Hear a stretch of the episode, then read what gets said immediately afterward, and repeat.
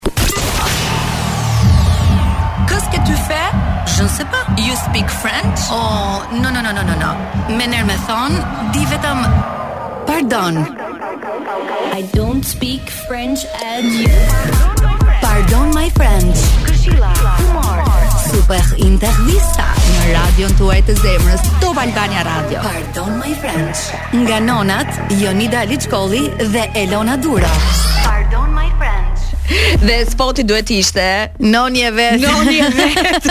Më falni pse e keni kursyer këtë që unë i them Jonida Aliçkollit. Mirë se vini edhe këtë herë në programin që Vetëm frëngjisht nuk flet, themi herë pas here. Po thuhen të gjitha. Na falni për frëngjishten, çdo të mërkur nga ora 18 jemi live në Top Albania Radio deri rreth orës 20 në një studio që nis këtu me Elonën dhe me autoren dhe moderatoren e këtij programi. Kujtova se kisha harruar këtë herë. Absolutisht mezi po prisja ta thoja.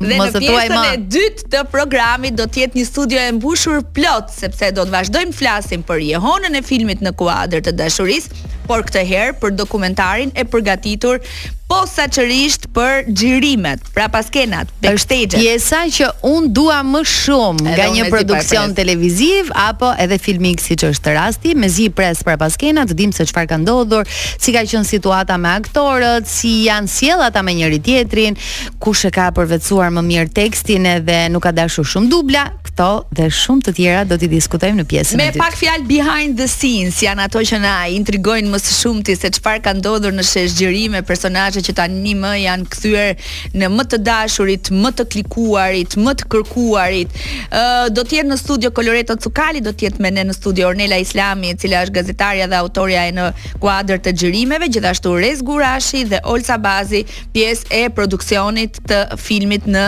kuadër të dashurisë. Gjithë pjesën e dytë të programit, pra nga ora 19 deri në orën 20, dedikuar filmit më të parë shikueshmëri rekord deri më tani, ashtu si është pritur në premierë në çdo qytet që ka qenë, por siç e thashë, shumë intriguese edhe pjesa e prapaskenave që ne do të flasim gjerë e gjatë me emrat që sipër përmenda. Ne kemi parë, uh, po prapaskenat nuk i dimë, kështu që do t'i ndajmë me ju në pjesën e dytë të programit, ndërsa në pjesën e parë do të kemi të ftuar babain, siç tha Elona, mm -hmm. më të ri në qytet që është Klajdi Haruni, do ta pyesim ë uh, jo vetëm për uh, projektet e tij muzikore, por edhe për mënyrën se si po ndihet. Me vajzën e tij të vogël Hea. Sa po Hea, do ta pyesim edhe për kuptimin e veçantë që ka emri. Një program i mbushur plot, mbi të gjitha me muzikë, me energji dhe frymë shumë të mirë. Rikthehemi në studio, ju dëgjuat një sensacion nga Chris Brown, Davido dhe Lojay në Top Albania Radio. Rikthehemi për të folur për uh, ato lajme apo ato ngjarje të cilat unë dhe Elona kemi mënyrën tonë të të diskutuarit mm. dhe ndajemi në role.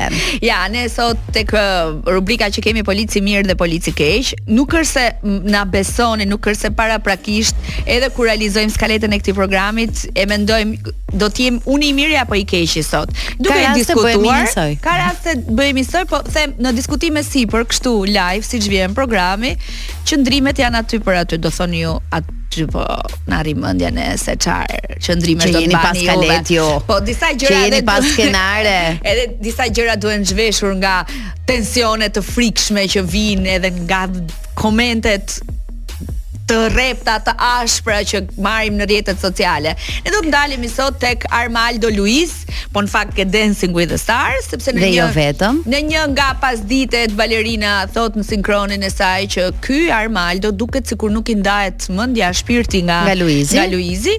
Armaldo pastaj me të drejtë është mërzitur nxehet. Mos ma përmend më Luizin. Me pak fjalë uh, është bërë një debat i stisur edhe një herë nga Big Brother VIP. Po ashtu një tjetër diskutim ka ndodhur mbrëmjen e live-it në Dancing with the Stars midis Oltës dhe Ronaldos dhe Po ashtu javës që kaloi ne bëmë një tjetër puntatë në lidhje me një diskutim uh, që u nis nga Ina midis Ilirit dhe Tokes, po kështu që me rrat, ti Big Brother rrat. nuk mbaron. Po sikur ta dëgjonim Armaldon dhe balerinën e tij Marianën. Kjo pasi ta dëgjojmë.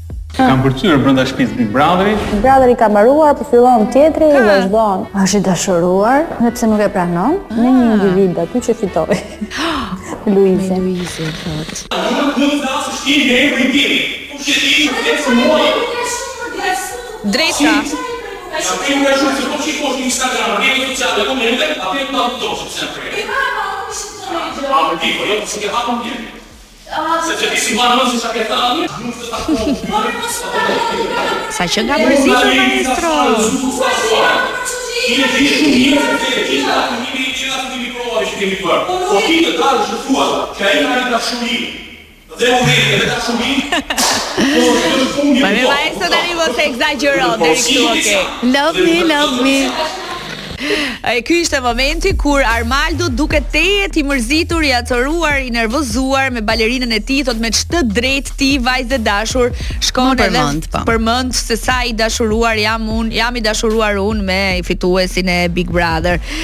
Ë uh, ka të drejtë mendoj unë. Tani për më tepër balerina më shumë ti njeh kalon kohë, shpenzohet, dedikohet për VIP-in që ka në krah, pra mhm. krijohet edhe shumë lidhje e ngushtë me personin që ti kalon minimalisht 5 orë në ditë duke u provuar në palestrat e Dancing with the Stars. Minimalisht edhe mund ta pyesësh personin që ke në krah ose pak më me taktikë, pak më me stil. Ama akoma aty e ke mendjen po jo në një sinkron të vetëm t'i bësh gropën. Tani pyetja jonë është kjo, që a dalin ndonjëherë inatet e Big Brother, ë uh, sidomos këto vitet e fundit nga Big Brother 1 dhe 2, Ne të dy shpesh po kuptojmë që nuk dalin këto inate. Ata risjellin herë pas here në vëmendje situata apo uh, momente të cilat i kanë kaluar brenda shtëpisë. Më ka ndodhur që përpara se të fillonte Big Brother VIP në një puntatë të Pardon My French, unë bëj një bëj një Big Brother reunion me Big Brother uh, të parin. Okay. Në edicionin ku kam qenë dhe vetë, ftova Arbrin, uh, ftova Astritin, ishte po ashtu Noçja në telefon, po ashtu okay. ishte uh, Ilda nga Amerika, okay. Poli dhe bëra një grup të lezetshëm të ish banorëve. Do ti që s'u kishte dalë akoma e keqja po pra, që po fitoi Arbër Çepani. Që sa kohë ka kaluar nga nga ai Big Brother? Vite, 15 vite. 15 vite. Domethënë kur mundësia e parë që i jepet për të folur në radio apo në televizion Menjëherë ato mllëfe duket sikur zgjohen dhe duket sikur kanë ndodhur dje. Ndryshimi është që ne, të paktën për grupin që po flas, kemi një marrëdhënie shumë të mirë me njëri tjetrin, takohemi shpesh, jemi bërë miq shumë të mirë.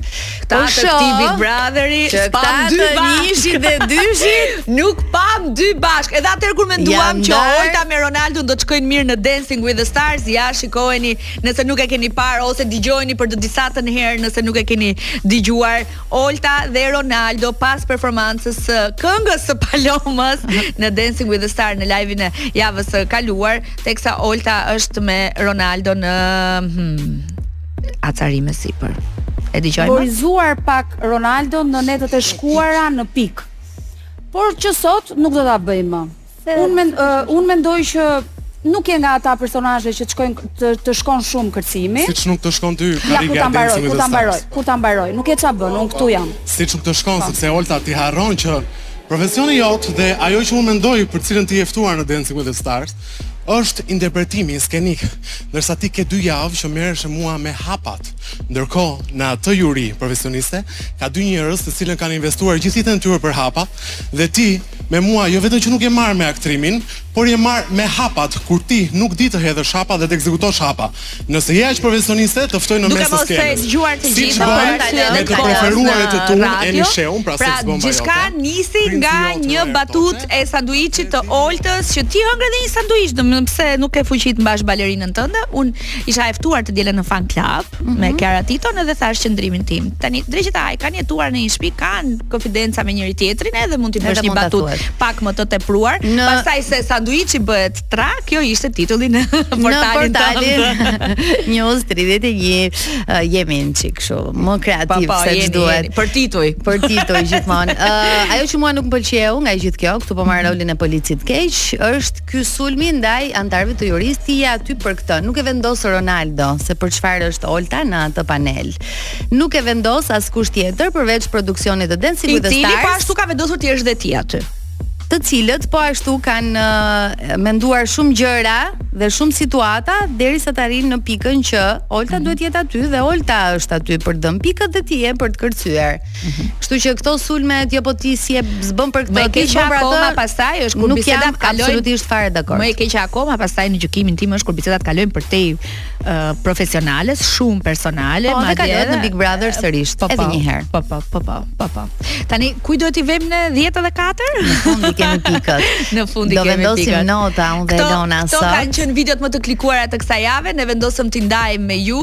duke të paktën kërkuar nga ju që mm -hmm. komentoni në rrjetet sociale të jeni herë pas here më të zbutur edhe pak më të sjellshëm. Notat tona do jenë debatet, vjes, kërcimet, ku e meritojnë notën më të lartë. të gjithë pjesëtarët e Dancing zemra, with the Stars. Mund të bëmë nota vetëm ke debatet ne, se çfarë po. ç'të kemi ne. Na falni për frëngjishten, por djali që do të kemi tani në studio është uh, the best. Është është the best, është është për momentin në në Në frëngjishte? Është në frëngjishte. Është në frëngjishte. Është në Francë për momentin se do donte shumë të ishte fizikisht në studio, edhe pse kohët e fundit shumë i ngarkuar me muzikën e tij, duke qenë disa herë i pranishëm në Top Awards, edhe duke qenë i pranishëm në Top 10, shumë i angazhuar me të gjitha evenimentet muzikore, por më së fundmi, siç e thamë, babai më i ri në qytet, që kam përshtypjen është në ato netët e para pa gjumë, i duhet të rri pranë të voglës, pranë bashkëshortes, po nga ana tjetër edhe të gjitha angazhimet që ka lart e poshtë. Kurrsesi nuk do na e merrte mendja që në Pardon My French në këtë program francez do të flisnim me një korçar i cili për momentin ndodhet në Francë. Dhe ky është Klajdi Haruni. Klajdi, mirë se vjen. Mirëmbrëma, mirë se ju gjej. Të kemi në Francë, je fiks për emisionin sot. Me thënë të drejtën, me thënë të drejtën u ktheva nga Franca, jam në shtëpi pranë gocës. Nisur gjend në studion e Top Albania Radio, Klajdi Haruni. Ke mbërritur, ke mbërritur sot, ë? Si është vajza një? Sapo kam mbërritur me thënë të drejtën edhe.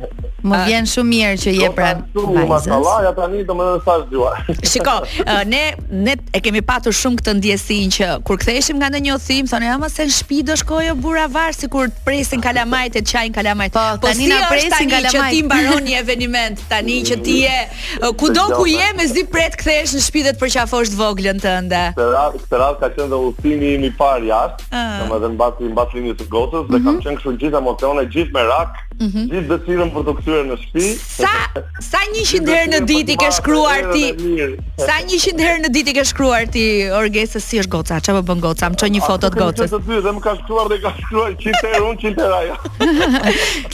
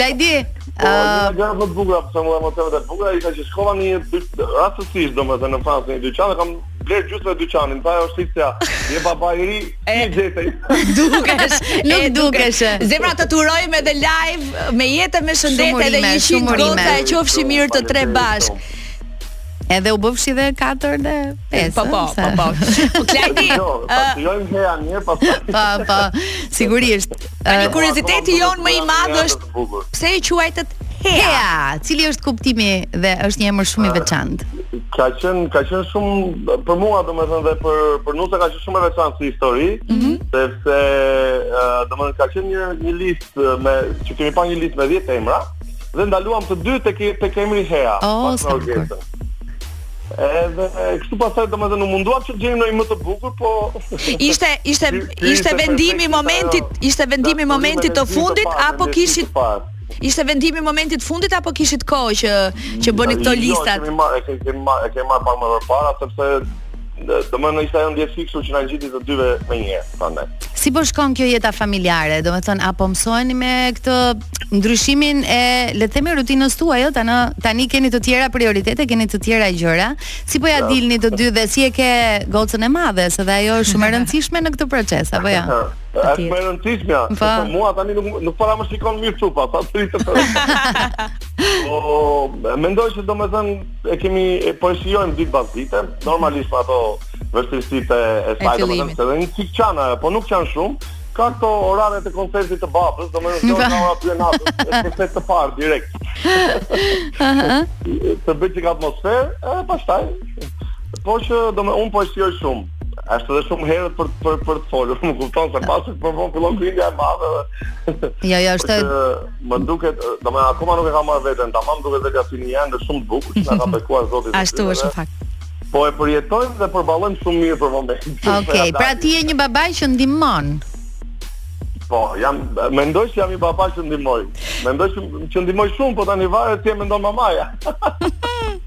Na e kaloi çik të lëmë.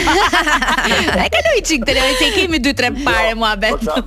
Më kalon me gocën dhe po bën dush. Jo, oh, shumë mirë. Ky është momenti më sublim për një grua që sapo bëhet nënë. Po, Dushi.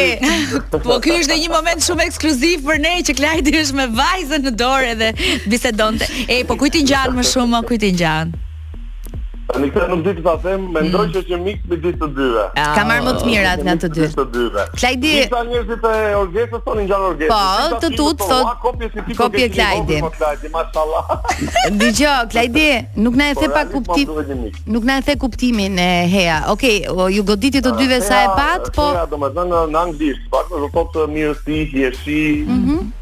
të mirë si si si mami dhe babi, më kupton? Po, po zemrat, ashtu është në fakt. Ashtu është në fakt. Ne që ju njohim nga afër ju ju duam fort si si çift. Korean. Është emër me origjinë po, koreane, po. Okej. Ë tani përveç jetës familjare, sigurisht që ne presim që edhe jeta jote artistike të marrë një ndryshim të menjëhershëm.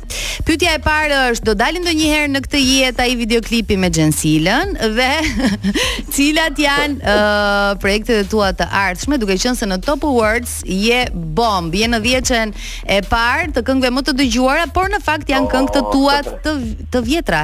U bënë disa kohë që janë publikuar. Tashi pyetjen e parë ta kthej unë përgjigjen. Xhensila shtatzënë dhe Klajdi sapo lindi. Nuk bëhet ai klipi gocë. Po po ta nxjerrin siç e kënduan te Bigu të po, paktën. Ne ne ne e duam e duam shumë atë këngë dhe dhe klipi është shumë i bukur, është në gati në përfundim, kështu që besoj se do ta kemi shumë shpejt për të gjithë. Mhm. Mm Besoj që do jetë shumë shpejt, po nuk di një datë afat sepse na kanë uh, me këtë këngë na kanë dalë afatet shumë herë. Po, e di. Ka, sa vite kishte kënga nja? Katër më përpara. jo, katër jo. Ka, ka ca kohë, po, por është projekt që është bërë me shumë dashuri sepse kemi patur goxha xhirime të ndryshme, domethënë kemi xhiruar disa herë klipin për shkak se nuk ka dalë ashtu siç kemi dashur ne Big. Mhm. Mm po shpresoj që e kemi e kemi shumë bukur dhe me dashuri. Mhm. Mm nice. Je duke punuar për ndonjë këngë apo diçka të re në në pjesën artistike tënde? Të të tregoj të drejtën këto 10 ditë nuk e kam patur mendjen hiç. Po, nuk ke faj. Klajdi, me thënë të drejtën, Me thënë të drejtën zemra unë nuk e kam shumë mendjen ke projektet e tua artistike, dua të kthehem edhe një herë ke goca. Se na interesojnë më shumë këto lajmet rozë, këto familjaret. Për shembull, çfarë dhurate të bëri ty Flori Mumajesi kur lindi goca? Hmm. Ah, gocës domethënë. Duhet ta them patjetër? Tuen që këthua Duhet ta them patjetër, e? Patjetër. A, do, dome dhurata e parë fare që ka qenë nga më të shtrenjtat për mua ka qenë kur domethënë sapo kam marrë vesh lajmin që Orgesa ka qenë shtatzënë. Okej. Okay. Mhm. Unë kam shkuar në studio domethënë për t'ia për t'ia thënë Florit dhe ai ka bërë një melodi shumë. U, uh, atë oh, e keni klip, atë që keni po, klip. Po, super. Është shumë e bukur. Atë që kemi vendosur tek tek klipi kur kemi bërë Gender Revealing. Mhm.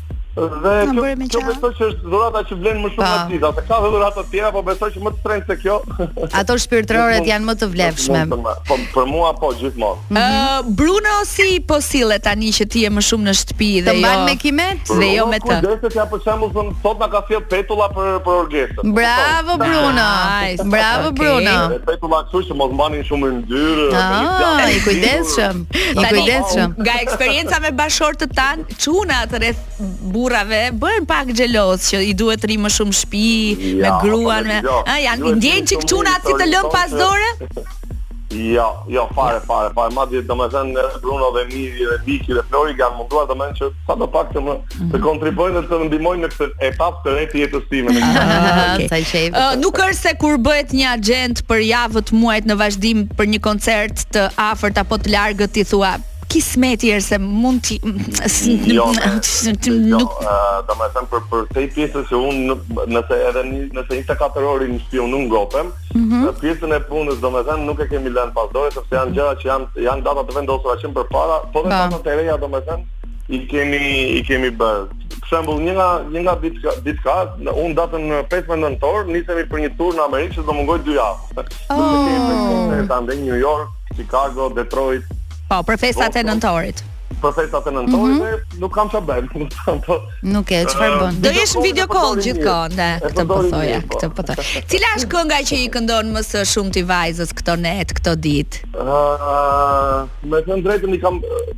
Realisht i kam kënduar pothuajse nga një këngë të re çdo ditë. Okej. Okay. Po një nga një më më të nusë të fundit ka qenë nuk të dua dot më pak, këngën time do. Oh, zemra. Ka filluar të reagojë? Është një video shumë të bukur.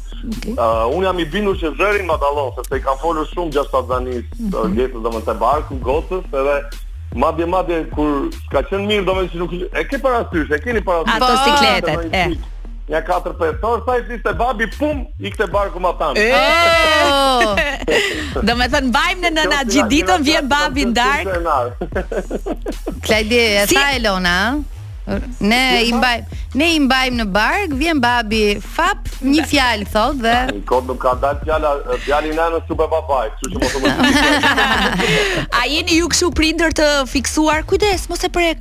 Se mos mos e puth te faqja, jo, se me... dalin puçra, u ftoh, jo, u ngroh nga këto. Për ta puthur, ah. për ta puthur, jemi nga i cik, domethënë sepse është shumë shumë e vogël, po nuk jemi të fiksuar, madje që të dy kemi qëllim ta kemi gocën sa më të socializuar. Po, mm, si jeni ju të dy? Sa më shumë dashuri për njerëzit, edhe pse në kohët e sotme dashuria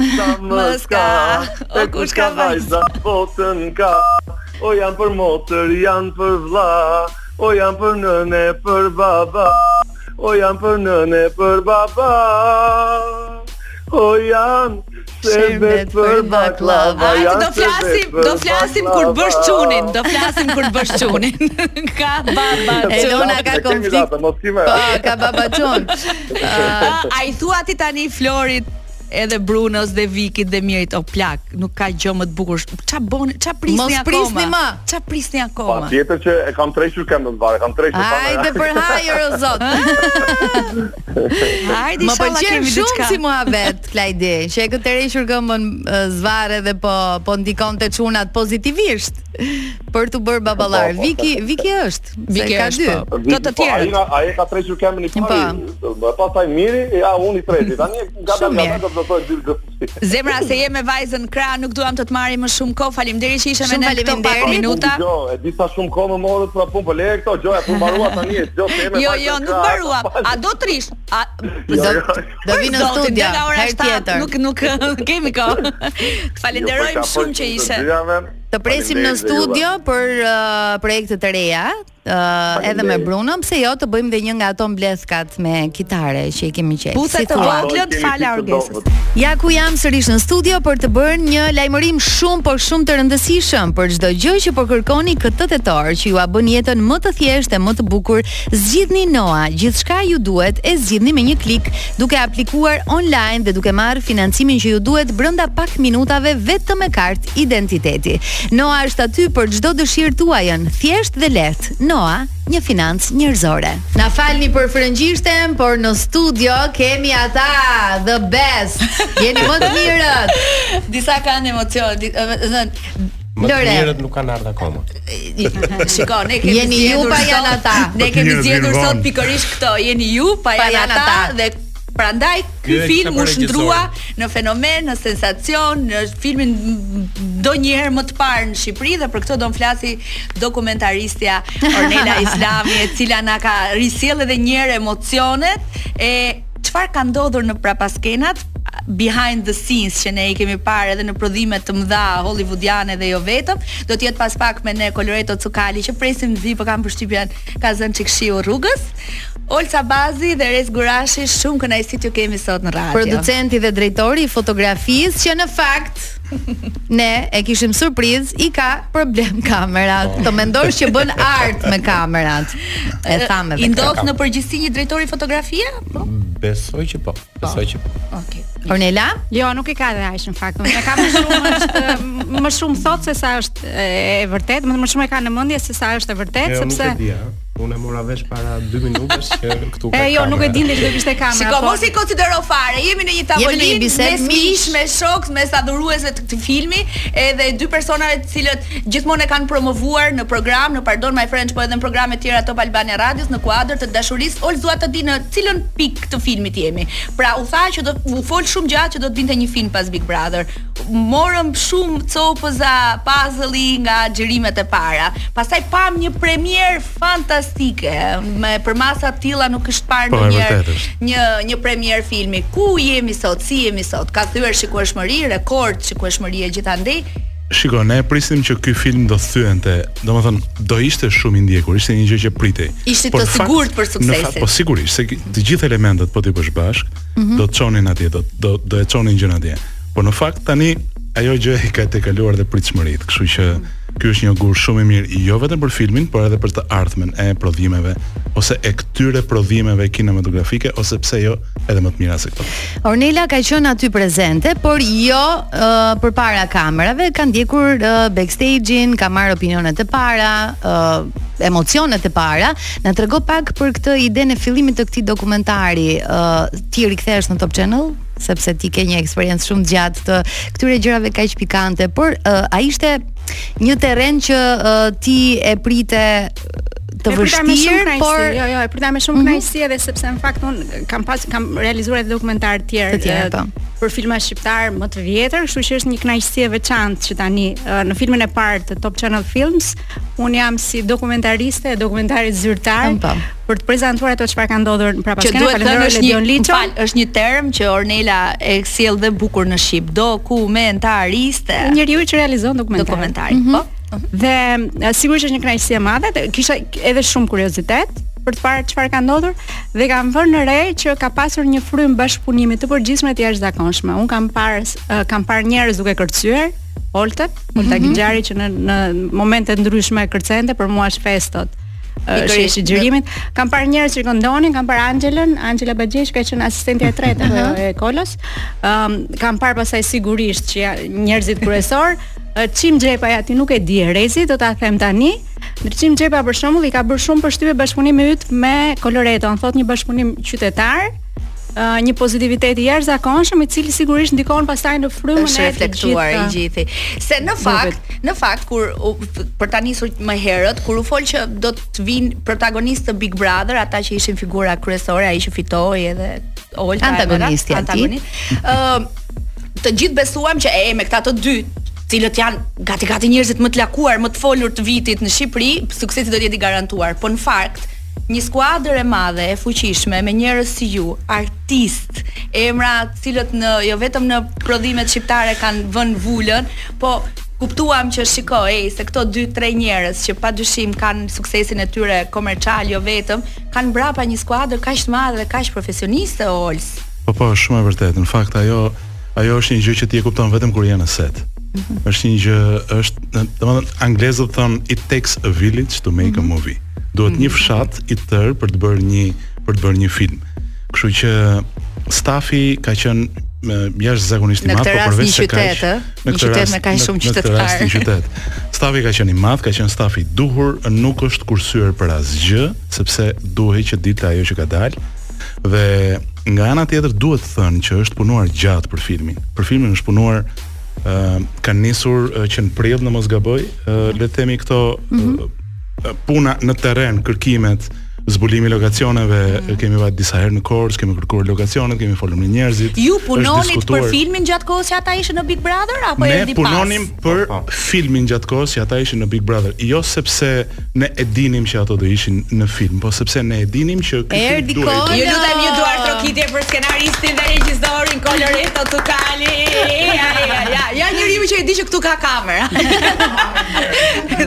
Prit të thërrasim një herë tot kolën se më duan. Ndërkohë doja të thoja, doja të thosha diçka Olsi për mënyrën që nuk është kursyer. Në fakt mua më kujtohet Coloreto që thot në një në një segment që gjatë dok, gjatë dokumentarit thot që uh, kemi shkuar uh, për të bërë edhe një skenë prej 7 sekondash. Kolo, I referohesh skenës në mal ku Rezi ka rrezikuar jetën? Rezi, ç'është kjo? Jo, që jo, po jo, dëgjoj. Jo, Rezi po të binte të merrte edhe. Edhe Focus Pullerin me vete, pra nuk nuk shkonte vetëm në Gremin, do shkonte Ishin, vetë i dytë. Pra që nga Kla, Klajdi i pari, po. Në cilin mal? Dy. Ç'mal? A ne kemi një skenë që ndoshta nuk kuptohet, është 7 sekonda, pra Aha, ajo okay. është. Kjo është ideja, prandaj kërkoj ndjesë Kolo, prandaj thashë nuk është kursyer sepse për të xhiruar një skenë prej 7 sekondash kanë xhiruar një gjysmë dite. Mm. Lëvizur. Uh, Rezi, këtë pjesën e uh, kësaj energjisë të mirë, se Rezi po mundohet që ne mos ta pyesim, por jo. Po shpresoja. Po shpresoja. Ishte gremina. Afro pak te mikrofoni. Tani u fol që kishte një energji shumë të mirë dhe qytetare midis jush. Ë marrëdhënia juaj është pak më e hershme se sa ky film apo jo? Po shumë. Apo ishte bashkëpunimi juaj? Ne kemi bërë seks mhm. artistik shumë kohë para. Në cilën pjesë që ta dim domethënë?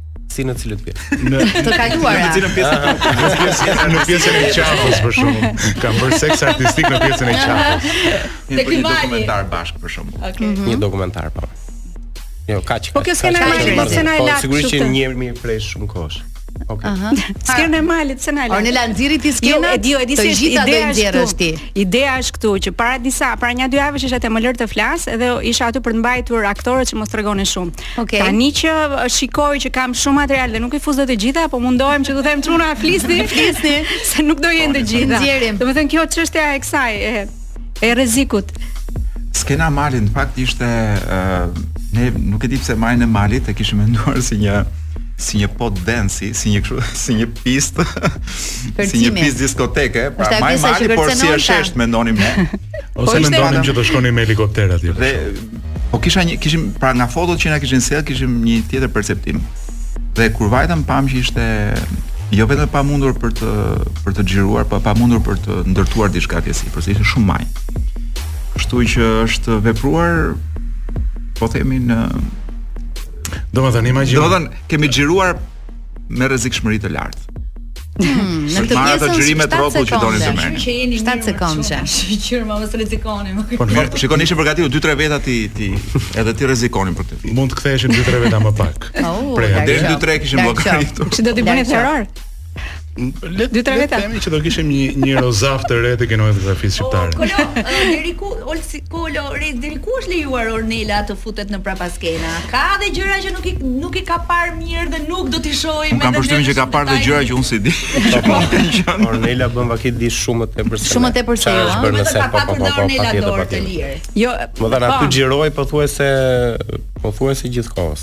Domethënë gjatë kohës që ne xhironim filmin, xhiroheshim ne, kështu që...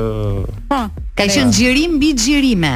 Uh, jo ideja është unë kam pasur dorë kaq të lirë sa me thënë të drejtën uh, jam edhe në siklet sepse uh, askush nuk ka parë asgjë, askush nuk di çfarë uh, do të dali.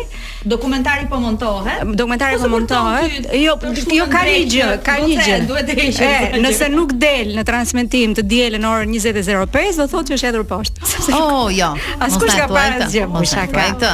Të dielën, të dielën keni këtë dokumentar fantastik. Dhe unë e, e adhuroj pjesën e backstage-it në çdo produksion. Mm. Kështu që mezi po e pres të dielën. Mirë, jemi me Ornelën, me Olsin, me Rezin edhe me Kolon në një tavolinë të rrumbullakët shumë bisedore. Elona, nëse më lejon, të po, lutem doja të përmendja Blerina Muharremin, që është montazhierja e filmit, por njëkohësisht edhe montazhierja e dokumentarit, e cila ka qenë një ndihmë e jashtëzakonshme për mua.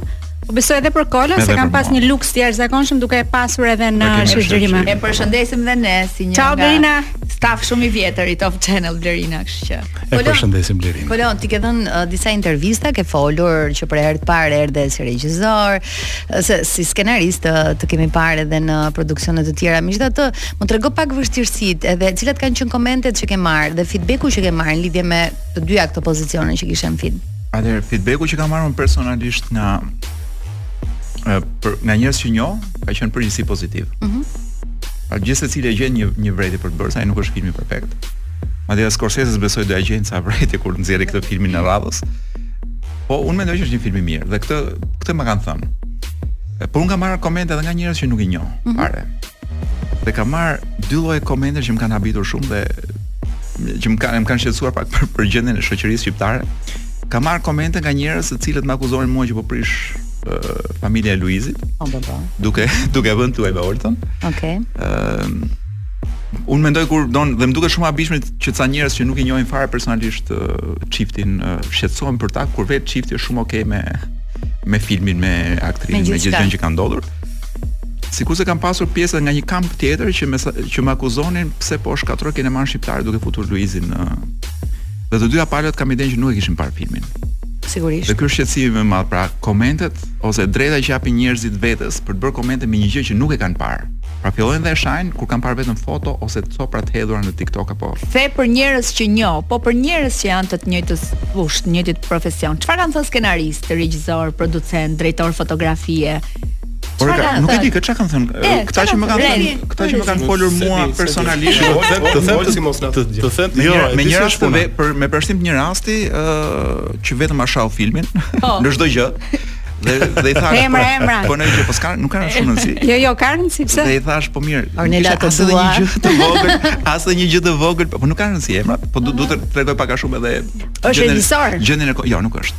është aktor. Ëh, mm -hmm. do të tregoj pak edhe gjendjen e komunitetit që është, si me thënë, pak i blefosur. Unë në fakt vetë kam shumë kohë që nuk shkoj në në në as në premierë as në një film kur e shoh veten që jam i inatosur, pra nuk nuk dua të shoh filma me inat. Po. Sepse nëse shkoj për të parë një film me inat, do dal me inat nga ai film. Unë pyeta Salsanën, "Ë, më shokët çfarë thanë aktorët?" kolegët e tu. Po këto në përgjithësi Lona tha do gjejnë një gjë me sha tha. Thashë unë po në përgjithësi shajnë edhe Titanikun dhe Scorsese dhe Spielberg. Do të gjejnë gjithmonë kur gjë nuk një vepër artistike jo domosdoshmërisht gjen kompromisin e të gjithëve. Asnjë, mm, asnjë vepër artistike, qoftë film, qoftë uh, vëre në cilën fushë të duash nuk gjen kompromisin e të gjithëve. Po nëse flasim për kritikë, aq më shumë, aq më shumë. Më lejo të them këtë gjë që aq më shumë në Shqipëri që le të themi terreni apo qielli i kinematografisë shqiptare është pa yje.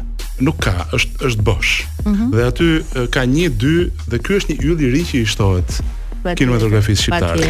Dhe përveç se duhet vlerësuar dhe duhet inkurajuar puna e të gjithëve, sigurisht që ka prej tyre që uh, gjejnë uh, një gjë qime në në në qull, ku di unë si është kjo kjo shprehje. Po, pra, Kështu po. që kam përshtypjen që pozitiviteti uh, duhet duhet shtuar, po se si, kjo do vi vetëm me punë dhe me vepre. Uh, Rezi, në filmin e ardhshëm, çfarë do të përmirësosh? unë, unë shpe... Se di, se morëm vesh që mund të ketë një të dytë. Jo, unë shpresoj të jem ke filmi ardhshëm mirë, si po, fillim. Unë mendoj që të jesh. Okay, mm -hmm. Edhe unë. të gjithë jo. Jo, sigurisht që besoj të gjithë bashkë kemi mësuar shumë nga nga ky film, kështu që të gjithë besoj kemi ça të ça të përmirësojmë. Unë besoj do kërkoj një çik më shumë kohë. Okej. Okay. Gjëja që kishte më shumë vlerë dhe ishte më më më e vështirë për t'u patur këtu ishte koha. Për t'u kthyer aty ku e la Olsi, është një prodhim shumë i madh. Është një film me përmasa me përmasa të mëdha. Mm, është Top Channel Films i pari. Është një film me përmasa për ata njerëz që nuk e dinë të papara për Shqipërinë. Të papara për Shqipërinë. Pra me një mbështetje të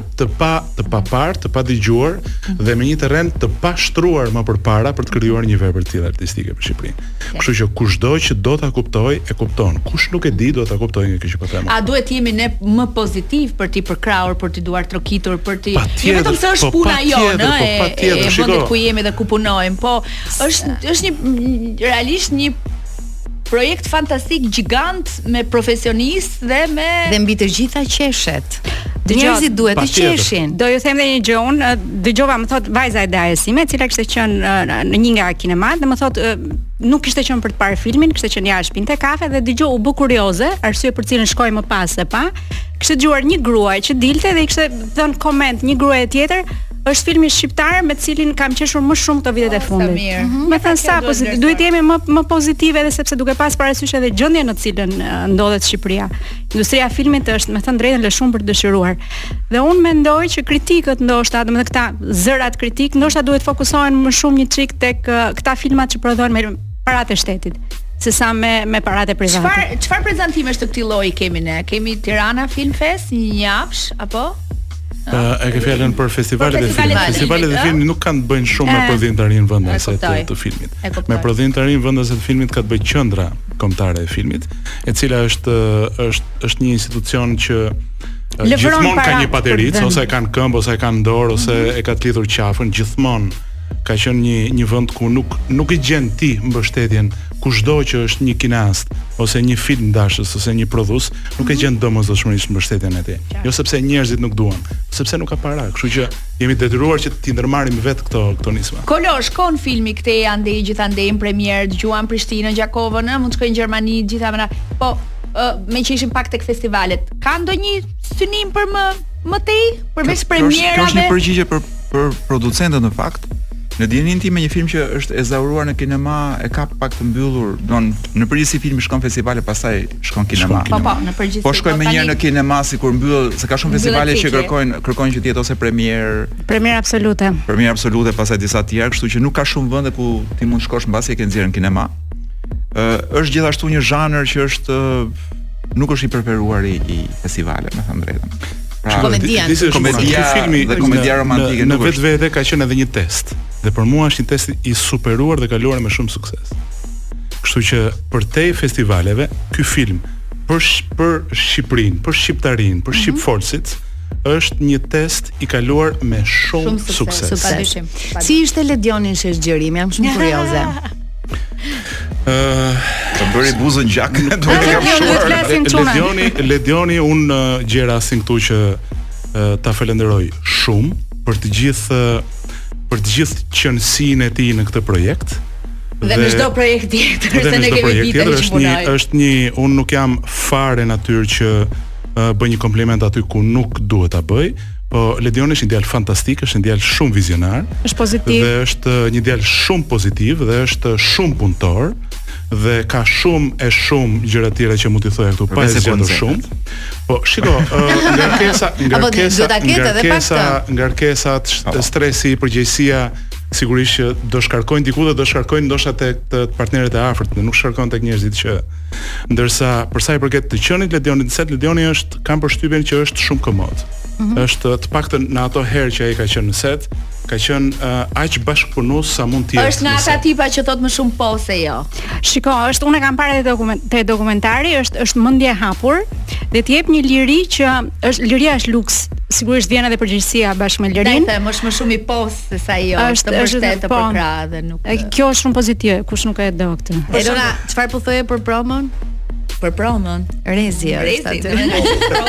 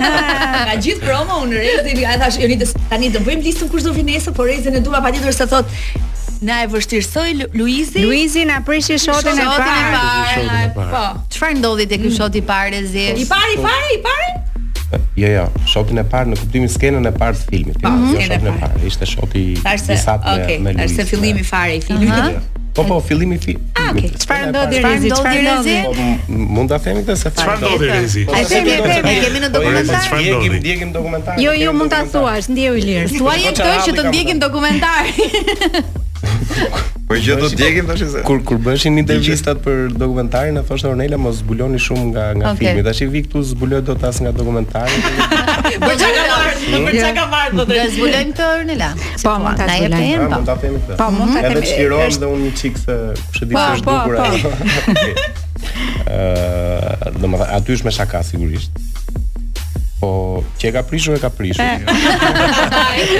Po pse e ka prishur? E ka prishur. Uh, pse? Uh, unë fillimin e filmit mbasi e diskutuam dhe me Kolin, desha ta xhiroja me kamera në në dorë. Domethënë mm -hmm. kamera do lëvizte pak, nuk duhet të ishte statike. Unë isha me kamerën në dorë. Fillojmë dublin e parë. Luizi duhet dilte nga nga dhomë. Këtë e themi dot, ëh. Ka njerëz që s'kan parë filmin apo i, i shkon në banjë dhe del duke e mbajtur.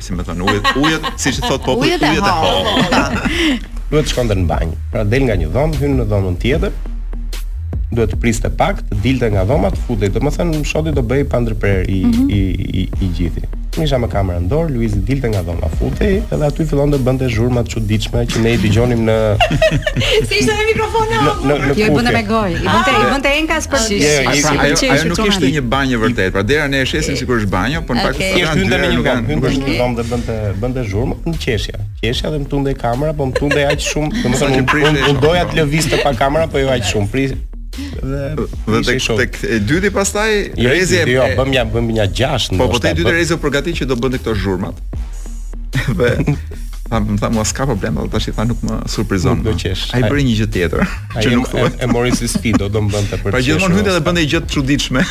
Rezi gjithmonë i tundej kamera. Pra domethënë edhe do të dubla anë të Mbas mbas 6 dublesh unë nuk e bëja dot me kamerën në dorë dhe kam vënë kamerën në në në në stativ që lëvizte pak, kështu që Rezi ka prishur atë që unë kisha shumë kohë që Domethënë keni qeshur shumë edhe në backstage, ëh? Po, po. Jo vetëm kaq, por Rezi herën e fundit filloi të qeshë, domethënë ai nuk bëri më gjë, se një nga dublat. e la ta xhironte, po Rezit i vinte vetë për qeshur në momentin që ishte brenda, i kujtosha dot prapë dhe tundej prap. Po s'ka pas vetëm skena që vinte për qeshur. Rezi për shembull ka një dobësi si të gjithë ne për Ndriçim Xhepën. Dhe Rezi Nuk të erdhi shumë për qeshur kur ke xhiruar ah, skenën e po, parë ku ishte Ndriçim Xhepa. E para ka qenë e tmerrshme. Se si ishte? Sa na tregoni, na tregoni. Ë skena e parë që xhironim me Ndriçimin. E Ndriçimit. Po, s'kena pas të xhironin. Ardha e parë e Çim Xhepës në set. Me me Ndriçimin në set ishte në fakt ishte në sfond, është një moment që makina afrohet ke ke shtëpia. Po për para se të vim aty duhet të themi që kur po vinte Çimi, të dy me Rezin ishim se të dy si me thënë filmi i parë kështu dhe thamë që Çimi. Doni të bëni figurë të bukur. Çimi që ka bërë 300 filma, ne ishim pak merak po, se Çimi që ka punuar me më të mëdhenjtë e kinemasë si regjisorët më të mëdhenj të Shqipërisë, domethënë tashi punonte me ne dhe ishim kështu që të dalim mirë. E kishim marrë me një përgjegjësi shumë të madhe, unë desha të bëja në fakt një lëvizje çik të komplikuar të kamerës aty. Akrobatike le të themi. Sa ndihmon ai kuptoj. Jo, jo për të bërë përshtypje Çimit, do të ajo thjesht jo, thjesht ishte menduar që përpara dhe Çimi ishte në sfond, pra nuk në në, në atë shot as nuk kishte as dialog, nuk fliste, thjesht duhet të rrinte aty. Pra ishte thjesht pjesë e sfondit. Pjesë e sfondit nga nga nga mbrapa. Ë vajtën 100 gjëra ters. Ë një problem ishte Gjithçka që mund të shkonte ters shkoi. Po, çdo çdo gjë, çdo gjë. Nuk hapej xhami i makinës, më reflektonte kamera në xham të makinës, Roerdi kishte problem me me marshet. me me marshet manuale. Edhe nuk ndalonte dot makinën aty ku ishte dhe u bënë diku ke ndoshta kur kam dëgjuar uh, dubl 16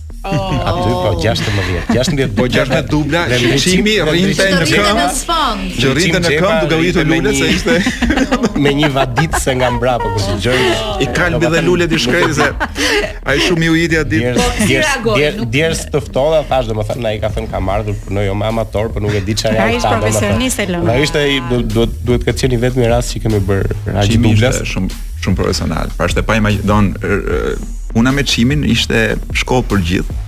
Dhe këtë më duhet ta them, pra ndryshimi ndërmjet shkollës së vjetër që është po themi Çimi në këtë rast dhe shkollës së re, pa përmendur emra që shkolla e re e aktorëve është pra ndërmjet dublave kapin celularin me vrap. E kuptoj. Ndërmjet dublave Çimi rrinte në një cep dhe përsëriste tekstin e vet. Kuptoj. Pra punonte me tekstin e vet. Rrinte nuk përzihej me të, rrinte në gjendjen e vet, nuk i prishej gjendja. Ai tha diçka në fund fare që e mbani mend edhe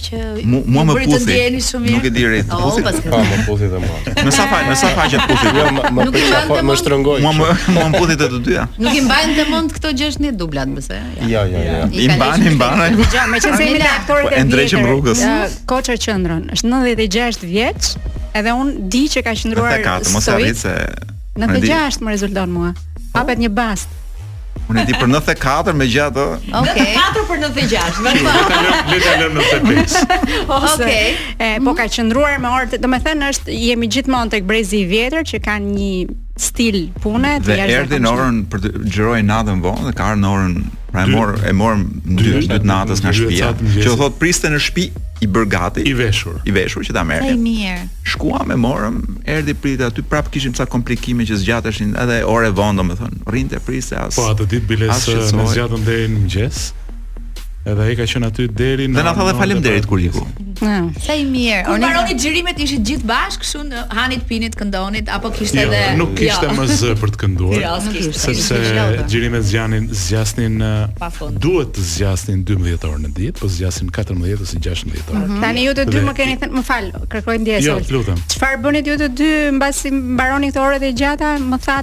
Pasi mbaruam xhirimet e dokumentarit, ah, çfarë kemi thënë Ornel? Çfarë ju thashë? Ne. Ai, ai. Vazhdon te seksioni artistik besoj. Mbaronin xhirimet këtu. Mbaronin xhirimet, ne shkonim uleshim në një cep. Bashkë tjetër po. Bash dy orë minimumi dhe punonim për të nesërmen, pra bëheshim gati për të nesërmen. Po. Ornela, do na zbulosh diçka në lidhje me dokumentarin, ndoshta ndonjë batutë apo diçka që nuk ne nuk e shohim në film. Bes Bitraku ka pasur një skenë ku do të kishte një derkuc në dorë, sepse është biznesmen, ka një stallë derrash, po. um, dhe e ka mbajtur gjithë kohës, domethënë para se të bëheshin xhirimet, e ka e ka mbajtur në dorë që ta mësonte dhe në momentin që do të bëj Që ta mësonte na prezantonte të gjithëve, do të vinte me derkucin për të humor me derkucin, gili gili gulu gulu, guxhu guxhu. dhe në momentin që duhet të të xhirojë, derkuci u bë nervoz dhe e hoqëm fare. Ju i bëri nervat derkuci. Jo vetëm nervat, po i bëri edhe ca gjëra në kolo, trup. Është dhe një moment te në kuadër të xhirimeve që ti je te krevati me Oltën edhe me Luizin.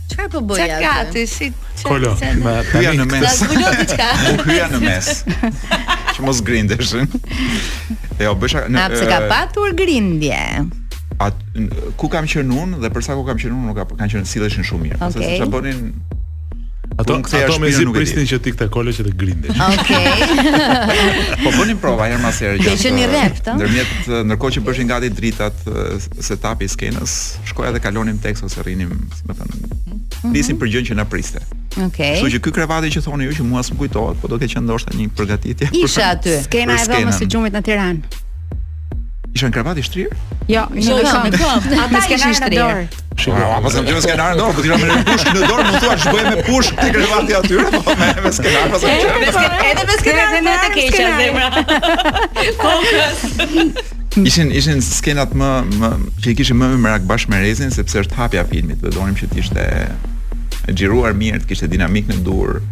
Koha fluturonte se atë shpinë ne e kishim vetëm për dy ditë. Mua më duhet të them edhe një gjë që të ta Koloreto, ta thuash se tek ty kam besim. Koloreto dhe Rezi kanë pasur një sinergji ë uh, jo të zakontë.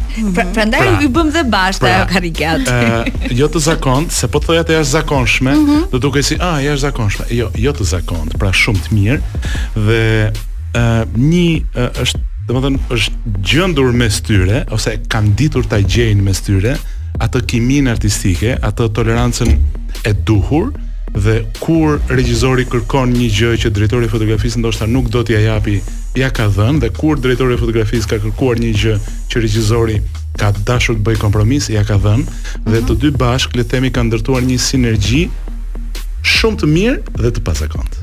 Dhe kur e thua ti që ke 20 vite që bashkëpunon me Kolon. Po, jo, e them, e them vërtet, e them, e them shumë sinqerisht. Nuk e di ç'u ndodh të tjerëve, në fakt po unë Rezin e ndieja gjithmonë si një vazhdim i vetes time, për të qenë i sinqertë. A është kjo kryevepra juaj artistike?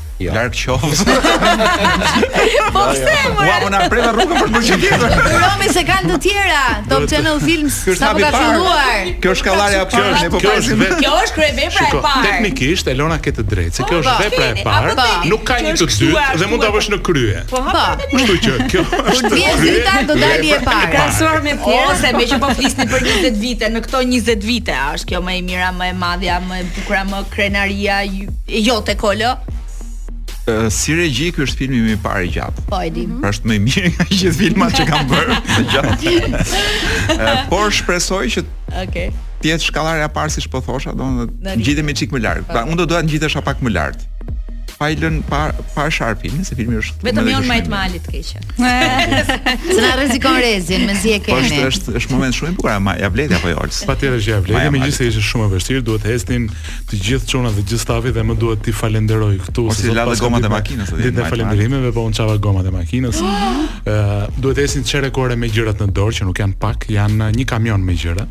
Kështu që në majë të malit duhet të ecnin që të shkonin te pika ku ne duhet të shihnim atë gjënë që duhet të shihnim në kamera domethënë, kështu që ishte një gjë shumë e vështirë, po është impresionuese ai momenti kur e shef. Dhe në fund të ditës